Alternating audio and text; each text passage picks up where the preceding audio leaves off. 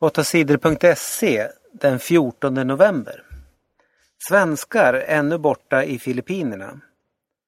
Människor i Filippinerna är förtvivlade. De som bor i områden som förstörts av ovädret behöver mat och vatten. Flera gånger har människor attackerat lager med mat. Vid ett lager dödades åtta människor när en vägg rasade. Hjälp från hela världen kommer till Filippinerna men det är svårt att få ut mat och vatten till människorna som behöver det. Många vägar och flygplatser är förstörda och det är svårt att få tag i bensin och bilar. Ingen vet ännu hur många som dött i katastrofen.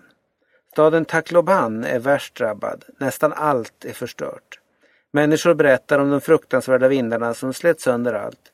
Sen kom tre stora vågor in från havet och dränkte staden. Mellan 30 och 40 svenskar är fortfarande borta i området där ovädret drog in i helgen. Fortfarande ligger döda människor kvar bland de rasade husen. Det finns ingen som hinner hämta dem. Två svenska plan med hjälp har kommit till Filippinerna. USA har bland annat skickat ett stort fartyg.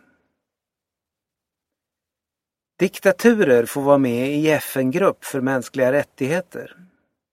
Förenta Nationerna, FN, har en organisation som arbetar för mänskliga rättigheter. UNHRC heter den.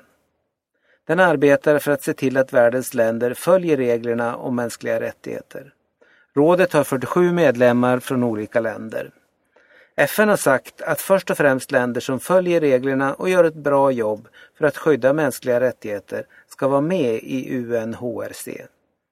Men nu får länderna Kina, Saudiarabien, Kuba och Ryssland vara med i UNHRC. Det är länder som får mycket skäll för att de bryter mot mänskliga rättigheter hela tiden.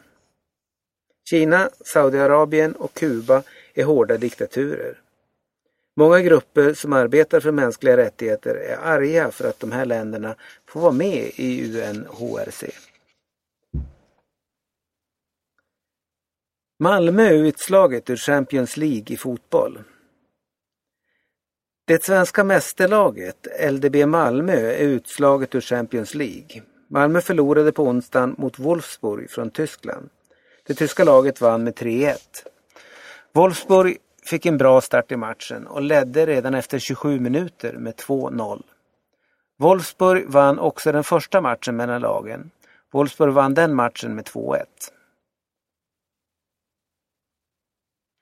Allt fler barn krigar i Syrien.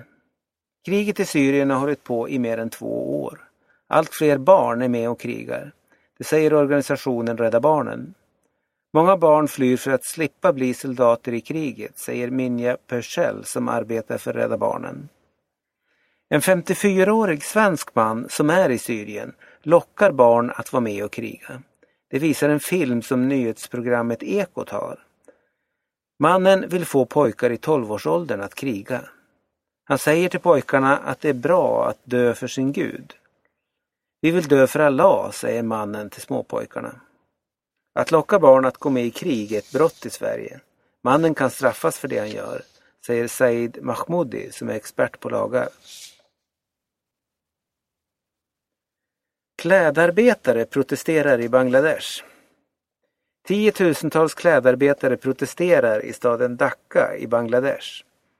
Arbetarna kräver högre löner. Arbetarna strejkar och fler än hundra fabriker har tvingats stänga. Regeringen, facket och företagen vill höja den lägsta lönen till 440 kronor i månaden. Men arbetarna går inte med på det. De vill att den lägsta lönen höjs till 650 kronor i månaden. Demonstrationerna har blivit våldsamma. Det har varit bråk mellan poliser och arbetare. Polisen har sprutat tårgas för att stoppa de arga demonstranterna. Många av världens största klädföretag syr sina kläder i fabrikerna i Bangladesh. Det är billigt för företagen.